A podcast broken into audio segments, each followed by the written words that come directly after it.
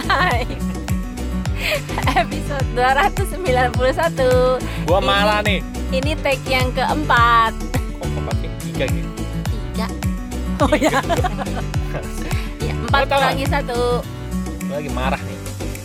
Tapi karena gua dewa jadi udah reda. Hmm, Karena saya toel-toel Jadi tadi kita udah take rekaman kan, udah panjang. Terus dia main handphone dong, main handphone. Terus bunyi suara video. Gue tuh sebetulnya udah dari dua minggu yang lalu, mungkin dari beberapa waktu yang lalu ya, dua ya kurang lebih seminggu dua minggu ini, gue tuh selalu udah udah berasa nih da- dalam hati nih, nih nih bocah lagi podcast main handphone gitu, Eh, bales WA lah, bales apa, gue kesel gitu. Kenapa? Tapi kok gak ngomong? Biarkan semesta yang memberitahu Tuh kamu. kan Harusnya kamu ngomong Soalnya gini, gue tuh udah tahu banget dia kalau diomongin ada aja cara dia untuk ngeles gitu. Tapi kan kamu belum coba Ya, me- du- untuk kasus-kasus yang lain itu gue berkali-kali gitu Ah, untuk oke. ngomongin dia gitu. Sampai sampai nanti kalau semesta ngasih tahu dia dan dia merasa salah, itu perubahan yang signifikan pasti. Ini kayak gini nih, sekarang dia udah nggak handphone udah dia singkirin nih, nggak nggak. Kan kamu bisa bilang gak usah bawa handphone. Dia tuh selalu punya alibi kayak gini nih teman-teman. Gitu. Jadi dia salah tapi dia nggak suka meminta maaf Eh sebetulnya tapi kan gue udah minta maaf. Iya memang. Tadi gue udah langsung minta maaf. Iya. Cuman perasaannya Udah pasti langsung colek-colek juga. Iya kan? Hmm. jadi lo bayangin ya ada orang salah terus dia tidak suka meminta maaf sebetulnya tapi akhirnya dia melakukannya tapi pengen orang yang dimintai maafnya itu pengen cepat untuk mereda emosinya Emang gitu. kamu gak gitu? enggak saya mah sahabat saya Hmm. Masa sahabat? kamu juga colek-colek saya? lo lo tahu ya nih alibi alibi orang salah nih mau cari kesalahan orang lain Enggak, lagi nih gue gak mencari kesalahan Eh. Gue kan udah ngaku salah oh ya udah bagus ya udah Udah colek-colek iya kan saya juga udah memaafkan Iya tapi gue sebel sih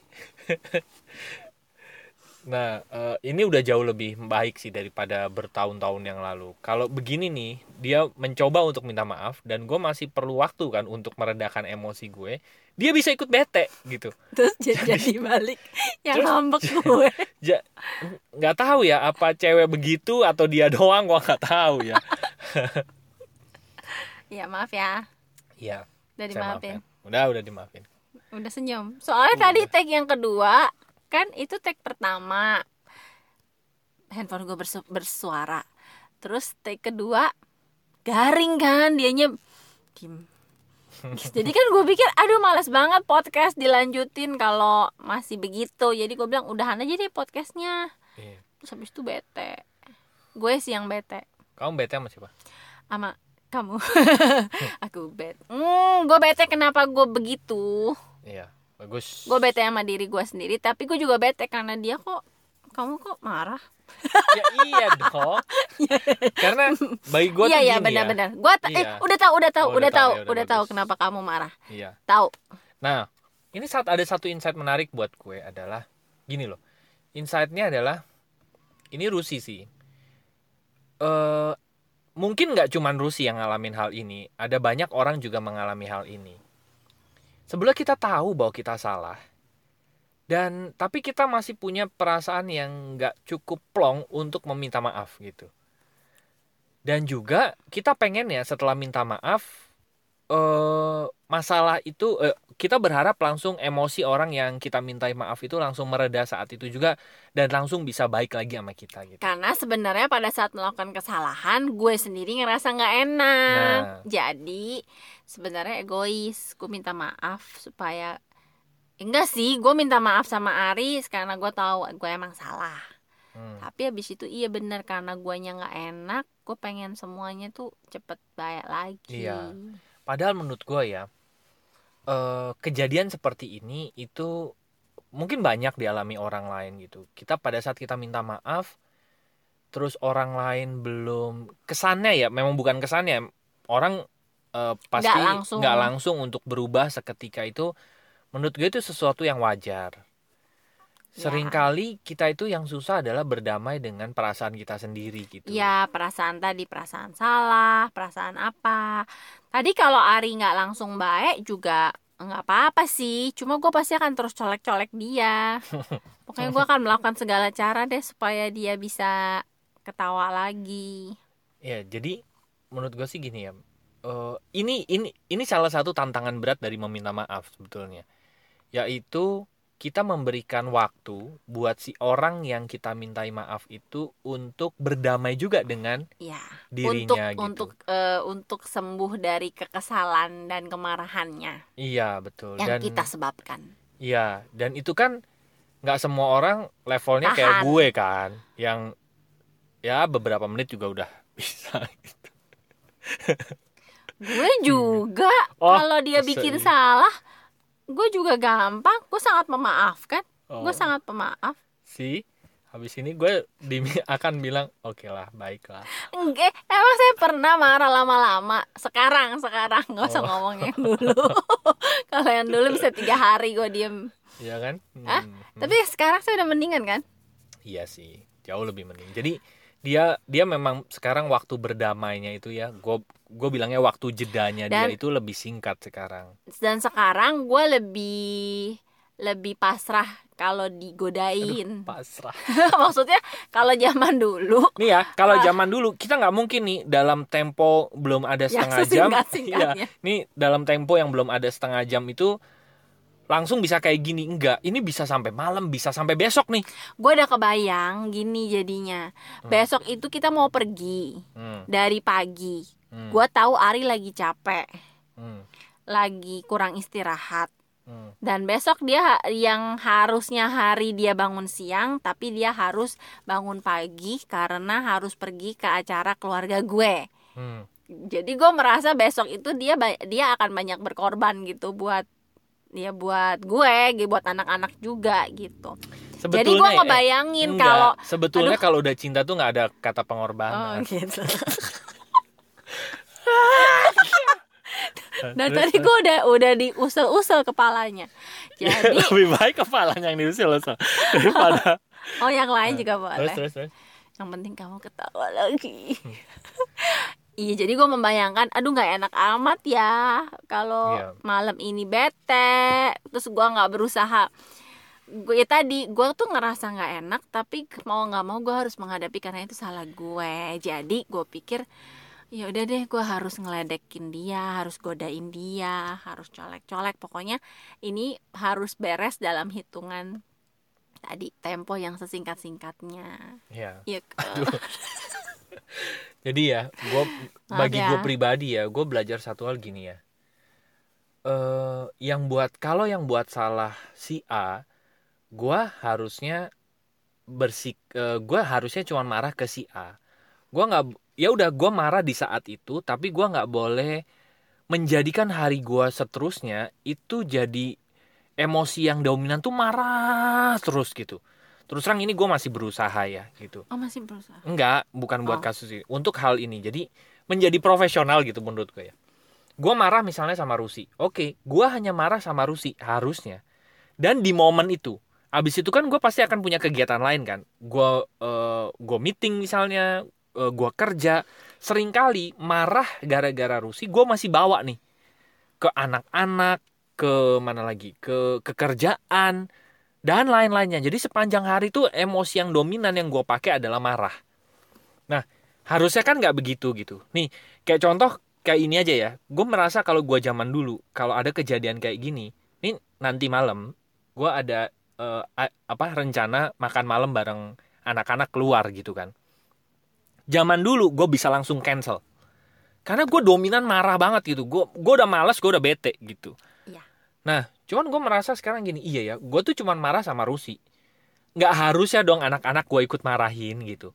Nggak harusnya nanti gue ketemu siapa gitu ikut merasakan perasaan nggak enak gue. Kan ada ya, kalau kita ketemu orang, tiba-tiba dia datang, kita tuh ngerasain hawa yang, ini orang kenapa sih? Dia marahnya sama siapa? Tapi hawa marahnya, hawa nggak enaknya tuh Nyampe. kita ikutan ketepak gitu Iya. bagi gue gue masih eh, cukup panjang perjalanan gue untuk me- bisa sampai melakukan hal ini gitu ya. Untuk membagi waktu gue oke gue marah sama dia. Ya udah gue cuma marah sama dia. Setelah itu gue harus switch nih. Gue harus switch bagian diri gue yang lain. Abis ini gue harus switch ke bagian diri gue sebagai eh, ayah gitu kan. Kan bagian diri gue yang ayah nggak marah dong sama anak anak-anak gue gitu. Yang marah kan karena perbuatannya si Rusi aja gitu. Tapi gue beruntung sih gue beruntungnya adalah gue menyadari perasaan-perasaan ini gitu. Jadi gue juga cukup kagum bahwa dalam waktu yang super cepat ini tempo yang sesingkat-singkatnya berapa ya? Ya nggak nyampe setengah jam lah ya? Nggak. nggak nyampe setengah jam eh, memang gue gue harus akui gue masih punya perasaan eh, marah nih sama Rusi gitu. Perasaan marahnya adalah gue menganggap dia menyepelekan podcast bagi gue. Tapi pasti dia nggak punya perasaan itu gitu bagi gue tuh yang namanya lagi lagi do something ya lo lakuin lakuin itu gitu. Lo jangan nyambi hal yang lain gitu. Cuman kan gue tahu pasti Rusi nggak nggak mungkin punya eh, apa namanya maksud seperti itu gitu ya. Cuman gue nggak tahu kenapa kemarin-kemarin dia podcast masih nyambi-nyambi WA oh nanya. Eh, iya dong nanya. Ada gue kan orangnya lupaan. Ada kadang-kadang yang eh, hal-hal yang sambil gue podcast tuh gue kepikiran oh ya gue belum ini gue belum ini. Kan kalau kemarin-kemarin kan aman. Tidak terjadi. Tapi memang hari ini gue salah karena gue sambil lihat-lihat story orang. Terus bunyi. Kan apa faedahnya ya? Gue multitasking. lagi lagi podcast sambil lihat-lihat nggak tahu ini. tangannya gatal aja sambil dengerin kamu ngomong sambil lihat. Itu namanya kualat. Hmm, makasih ya. Iya, kualat jadi itu pangkat ya? Kuadrat. Jadi Oh, kuadrat. dari beberapa waktu yang lalu gue udah berasa nih ini ini Kuadrat. bocah lagi podcast begitu. Mm, saya udah tahu sih kamu nggak suka. Udah tahu nggak suka? Mesti dilanjutin dia nah gue harus akui gue masih punya perasaan kesel sama Rusi gitu. Iya saya kan pasrah. Oh iya. Tapi eh, tapi gue tahu gue menyadari perasaan itu tapi tapi ya udah. Gue ini kan urusan gue sama diri gue sendiri Iya. kan. Saya akan Karena- membantu kamu. karena bagian dia udah beres dia udah minta maaf sama gue gitu kan. Nah tinggal urusan gue sama diri gue. Gu- eh, Rusi juga melakukan hal yang sama gitu. Misalnya gue salah gue say sorry gue juga pengen punya perasaan udah sih ngapain sih gitu-gitu aja diperpanjang gitu. Tapi gue juga tahu bahwa dia perlu jeda sama dirinya untuk bisa meredakan atau untuk bisa berkompromi dengan perasaan marah itu gitu. Nah yang susah itu ini nggak tahu gue nggak tahu ya ini apakah semua cewek seperti itu. Tapi yang susah itu adalah eh, kita pengen men- kita menuntut orang lain untuk redanya itu cepat gitu ya. Terus dan kita kesel gara-gara dia tidak mereda secara cepat. Dan Ya. itu jadi lingkaran lagi. Kok kamu aku kan udah minta maaf. Kok kamu nggak maafin? Eh telo. Jadi maksudnya gini. Ada orang yang udah memaklumi ya. Ada orang salah sama dia dia udah memaklumi. Terus dia lagi ber apa namanya dia lagi bernegosiasi dengan dirinya. Tapi ya udah udah, di, dia udah udah. diburu-buru terus diburu-buru lagi dituntut gitu kan. Udah sih Kan- cepetan sih. Iya. cepetan sih bayar lagi sih. Makin Ketawa bete lagi kan dong. gitu. gue sih yakin ini salah satu alasan kenapa para suami itu meninggal lebih cepat daripada istrinya. Oh. Aduh. ya ya ya ya. Nah kamu mau ngomong apa? Enggak. Ntar kalau gue ngomong dibilang pembenaran diri lagi iya. Pokoknya gue udah salah. Gue udah minta maaf. Ya ya? udah. Tunggu tunggu tunggu sebentar. Barusan itu nadanya ini ya. Nadanya tuh minta maaf tapi serasanya nggak terima gitu ya. Dan gue yakin ini banyak pasangan yang mengalami hal ini. Iya. Ya kan? Mm-mm. gitu. Kayaknya kalau suami yang salah tuh harus merendah gitu. Masa sih? Terus, terus giliran istrinya yang salah itu kan gue udah minta maaf. Kok kamu gak mau maafin sih oh my god. Kan saya udah colek-colek. Tuh. Dari atas tengah bawah. Udah dong udah ya. Aduh, colek it- kayaknya colek nggak cukup. Colek aja cukup. Baiklah. Oh iya. Ya jadi gitu. saya sudah Jadi- minta maaf. Iya. Tapi kalau dari sisi gue yang lagi marah ya itu salah satu kemajuannya adalah gue tidak memanfaatkan marah. Kesempatan ada orang yang kesem- memakai gini kalau pasangannya berbuat salah itu tuh kayak kesempatan dia untuk marah. Hmm. padahal mungkin dia marahnya karena dia memendam. Cuma kayaknya kok gua nggak pantas ya marah soal ini. Gua nggak pantas soal marah ini. Tapi begitu ada kesempatan pasangannya salah nah dia pakai kesempatan itu untuk marahnya yang benar-benar ngeluarin marah dia yang terpendam selama ini. Padahal mungkin marahnya bukan cuma gara-gara kesalahan itu tapi banyak hal gitu. Tapi dia eh, belum ketemu momen yang tepat untuk mengungkapkan hal itu Iya, gitu ya. jadi akhirnya marahnya bisa jadi eh apa ya berkepanjangan atau yang tadi kayak misalnya Ari kalau gue yang ngambek Ari bujuk apa bujuk bujukin gue gitu kalau dulu tuh gue menganggap "Hmm, ini saatnya nih gue marah gitu jadi Hmm. dibujukin kayak apa pun gue pasang apa ya gue tahan gitu Hmm. ah biarin aja sa orang dia yang salah gitu biarin Hmm. aja pokoknya gue mau gue mau marah gitu gue mau Hmm. diem Hmm. tapi sekarang tuh gue udah merasa udah bisa merasa rugi kalau gue marah lama-lama gitu Hmm, jadi eh dia minta maaf aja menurut gue itu udah bonus gitu jadi oh iya ya tuh kan dia udah dia udah minta maaf gitu Hmm. eh orang yang nggak minta maaf aja gue udah udah cukup ngerasa rugi sih gue marah ya udahlah mendingan Hmm. gue happy happy apalagi orangnya udah minta maaf gitu. Terus kalau diledek-ledekin ya gue menganggap ya udah emang udah saatnya gue apa udah emang saatnya gue baik gitu. Jadi malah jadi murahan gitu malah jadi murahan dibujukin gitu murahan memaafkan Iya, murahan memaafkan, murahan baean lagi gitu. Kalau dulu tuh gengsi gue tinggi banget di ya diapain aja gue tetap diam, gue tetap diam. Cuma akhirnya nyesel sendiri karena orang yang ngebujukin kan bisa juga hilang kesabarannya. Tapi kalau dia udah nggak bujukin lagi, kitanya belum belum balik, kitanya yang malah bete. Ih, kok dia Iya. nggak bujukin gue lagi? Lah, tadi kan udah dibujukin kitanya nggak mau gitu. Jadi sekarang kalau gue ngambek dan mumpung Ari misalnya lagi bercanda-bercandain ya udah gue mah langsung menyerah. Gue mah langsung pasrah. Ya udahlah gue ketawa aja gitu. Ari juga kan? Iya. Tadi kan dicolek-colek langsung ketawa.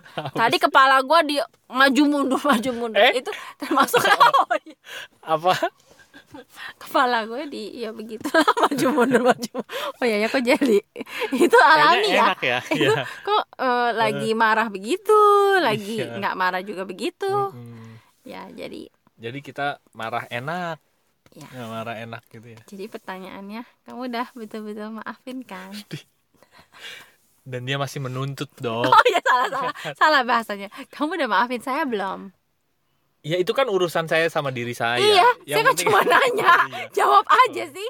Eh, masih ada lah eh, apa namanya tuh apa kalau habis pup itu Spirit. dikit Apa? dikit Oh. ya eh, belum 100% hilang perasaannya Eh, nah ini ini juga gini ya teman-teman gini gini ini satu hal yang mungkin perlu di eh, apa namanya ya perlu dimengerti juga kalau orang perlu waktu untuk memaafkan bukan berarti dia bukan tipe memaafkan bukan tipe yang pendendam ya Bukan Karena- ya. banyak orang nih contoh orang tua aja orang tua ngasih tahu anaknya ya udah salaman salaman baikan baikan gitu ya tapi kalau anaknya masih cemberut terus dia membuat cemberutnya itu salah gitu menurut gue juga nggak sehat. nggak sehat secara emosi akui aja ya udah. Ya Gue masih kesel. lu masih kesel it's okay nggak apa-apa. Takes your time take your time untuk untuk menyelesaikan emosinya gitu kan. Yang penting gini orang yang salah udah minta maaf. Oke that's it selesai. Udah minta maaf ya ya udah. Sekarang lo berdamai dengan perasaan, lo Perasaan-perasaan. gitu. Jadi apakah itu salah? Oh dia sih tipe pendendam nih gitu. Enggak. Tiap Dia memang belum orang beres aja. belum beres dia belum selesai dengan dirinya gitu setiap orang kan nggak bisa nggak semua orang itu bisa berlari kenceng kan tiap orang tuh punya kecepatan larinya masing-masing Dan kadar kejadiannya mungkin beda-beda. Ada Iya. yang buat orang itu lumayan penting, jadi Bener. dia agak susah untuk apa berdamainya. Dia butuh waktu lebih lama gitu. betul jadi eh, ini sering eh, gua cerita eh, gua sebutin di podcast gitu ya jangan jadikan sebuah kejadian menjadi sebuah identitas gitu Jangan jadikan ke- sebuah kejadian sementara menjadi jadi sesuatu identitas yang selamanya permanen. permanen bener Kalau misalnya ada orang yang mungkin uh, perlu waktu cukup lama untuk memaafkan, kita nggak boleh labelin dia pendendam. Enggak, mungkin dia memang perlu waktu yang lebih lama Ya, atau mungkin- memang waktu rilisnya dia lebih lama. Ya mungkin karena hal itu hal yang benar-benar penting atau hal yang benar-benar bikin Ya. dia sakit, bikin dia Betul, marah, bikin betul. dia sedih. Karena sering kali kita tuh kayak kayak punya kesempatan juga gitu ya untuk untuk apa ya? Untuk counter attack gitu. Ya. Jadi misalnya gue salah sama si A, gue minta maaf sama si A. Si A belum rilis 100% eh, memaafkannya. Terus gue gue bilang sama yang lain, gue udah minta maaf sama dia, dianya dianya aja yang belum maafin gue gitu. Terus gue akhirnya membuat label sama si A bahwa dia itu pendendam. Kan jadi gue memanfaatkan, kayaknya gue nggak salah-salah banget gitu. Misalnya kadar eh, salah gue Iya. 100, tapi karena ada momen kayak gitu, gue jadi mencitrakan diri gue ya salah gue 10 lah gitu orang dianya yang pendendam gitu Sebenarnya balik lagi tadi pada dasarnya semua orang tuh biasanya ya, Mm-mm. biasanya pada saat bikin kesalahan dia tuh sebenarnya secara nurani sadar bahwa dia tuh salah. Hmm. Tapi eh, kita sendiri tuh kadang-kadang malu gitu. Apa Iya. ya gengsi ya mengakui Iya. bahwa gue tuh emang salah, ya. Salah. Yang tadi kata Iya. Ari, gue sendiri masih banyak pembenaran diri, alasan inilah itulah. Padahal sebenarnya kalau balik aja ke satu pertanyaan itu salah apa benar? Mm-mm. Salah. Udah nggak usah pakai sih. Salah sih, tapi kan ini gini. Ya udah Ya salah mah salah, salah ya aja udah. gitu. Nah, kadang karena orang ngerasa sebenarnya dia tahu dia salah dan itu bikin dia merasa nggak enak, dia tuh yang pengen ya itu pengen cepet-cepet menyembuhkan rasa nggak enaknya. Padahal Hmm. sebenarnya kita juga eh, perlu inget-inget rasa nggak enak itu supaya Mm. kita belajar dan ya nggak ngulangin lagi kesalahan yang sama. Gue yakin ya kalau kita udah pernah bikin kesalahan yang bikin kita uh sumpah nggak enak banget gitu pasti kita lain kali akan ekstra hati-hati dengan kesalahan yang itu yang bikin kita tuh ngerasa nggak enak banget waktu ngelakuinnya. Iya. nah sebenarnya itu kan sinyal bagus ya. Hmm. sinyal bagus bahwa kita belajar dari kejadian itu gitu. Nah sebenarnya itu bisa kita pakai buat eh, tambah lama ya tambah baik gitu Iya. tapi kalau kitanya terus membenarkan diri membenarkan diri akhirnya yang tadinya mau dirinya mau belajar akhirnya nggak jadi lagi. Iya. kayak gitu. Jadi ya kan gue udah belajar ya. Ya. balik lagi gue gemes. Tuh kan gue masih gemes. Jadi ya jadi menjadi mem- jadi murahan dalam hal memaafkan itu memang eh, perlu perjalanan yang panjang juga, tapi menurut gua eh, apa ya? Hal itu perlu dipelajari karena kan tujuan kita hidup kan untuk menjadi bahagia kan gitu. Dan sulit memaafkan itu jadi sulit untuk bahagia sebetulnya karena kita masih nyimpan banyak perasaan-perasaan yang ganjel dalam kehidupan eh dalam diri kita gitu ya dan dari sisi orang yang berbuat salah dalam kasus ini gue Hmm. Kayaknya nggak terima banget ya nggak justru gue menekankan iya, bahwa iya. gue tahu gue salah oke oke terus Dala- da- dari sisi orang yang berbuat salah ya itu tadi perasaan tidak enak saat melakukan kesalahan itu perlu kita rasakan Mm-mm. bukan disangkal bukan Iya. dicepet-cepet dihilangin bukan Iya. diabaikan karena sebenarnya perasaan itu yang membuat kita cepat belajar jadi versi yang lebih baik iya iya iya karena kalau perasaan itu kita terima kita rasain iya ya gila gini ya rasanya nggak enak banget kalau abis bikin salah ya tadi diri kita tuh akan cepet belajarnya. Besok besok eh, ekstra hati-hati dan mungkin kesalahan itu nggak nggak akan terulang lagi gitu. Jadi kan minimal kita mengurangi kesalahan yang mungkin kita buat. Iya. karena kita udah ngerasain nggak enaknya tadi gitu. Betul sekali jadi mungkin besok besok gue tidak akan membawa handphone ya. bukan mungkin harus Baiklah, kamu juga tidak boleh bawa handphone. ya memang ya ya Oke deh, baiklah. baiklah teman-teman Maaf mungkin ya. teman-teman ya dimaafkan Mohon maaf. ya baiklah dimaafkan Nah, buat teman-teman yang mungkin punya cerita, cerita tentang meminta maaf atau cerita tentang memaafkan dan mau sharing ke kami, silahkan. Atau cerita apa pun deh, silahkan masuk aja ke website kami yaitu lompatanhidup.com. nanti ada tiga page di sana ada home buat chit chat, buat ngobrol apa pun itu masuk aja ke page yang home ada tombol WA, klik nanti terhubung dengan uh, WA kami. Lalu yang kedua ada konseling dan event buat teman-teman yang ingin mendapatkan layanan jasa profesional kami, melakukan sesi terapi, melakukan sesi konseling atau mengundang kami bicara di sebuah event, klik aja tombol WA di sana.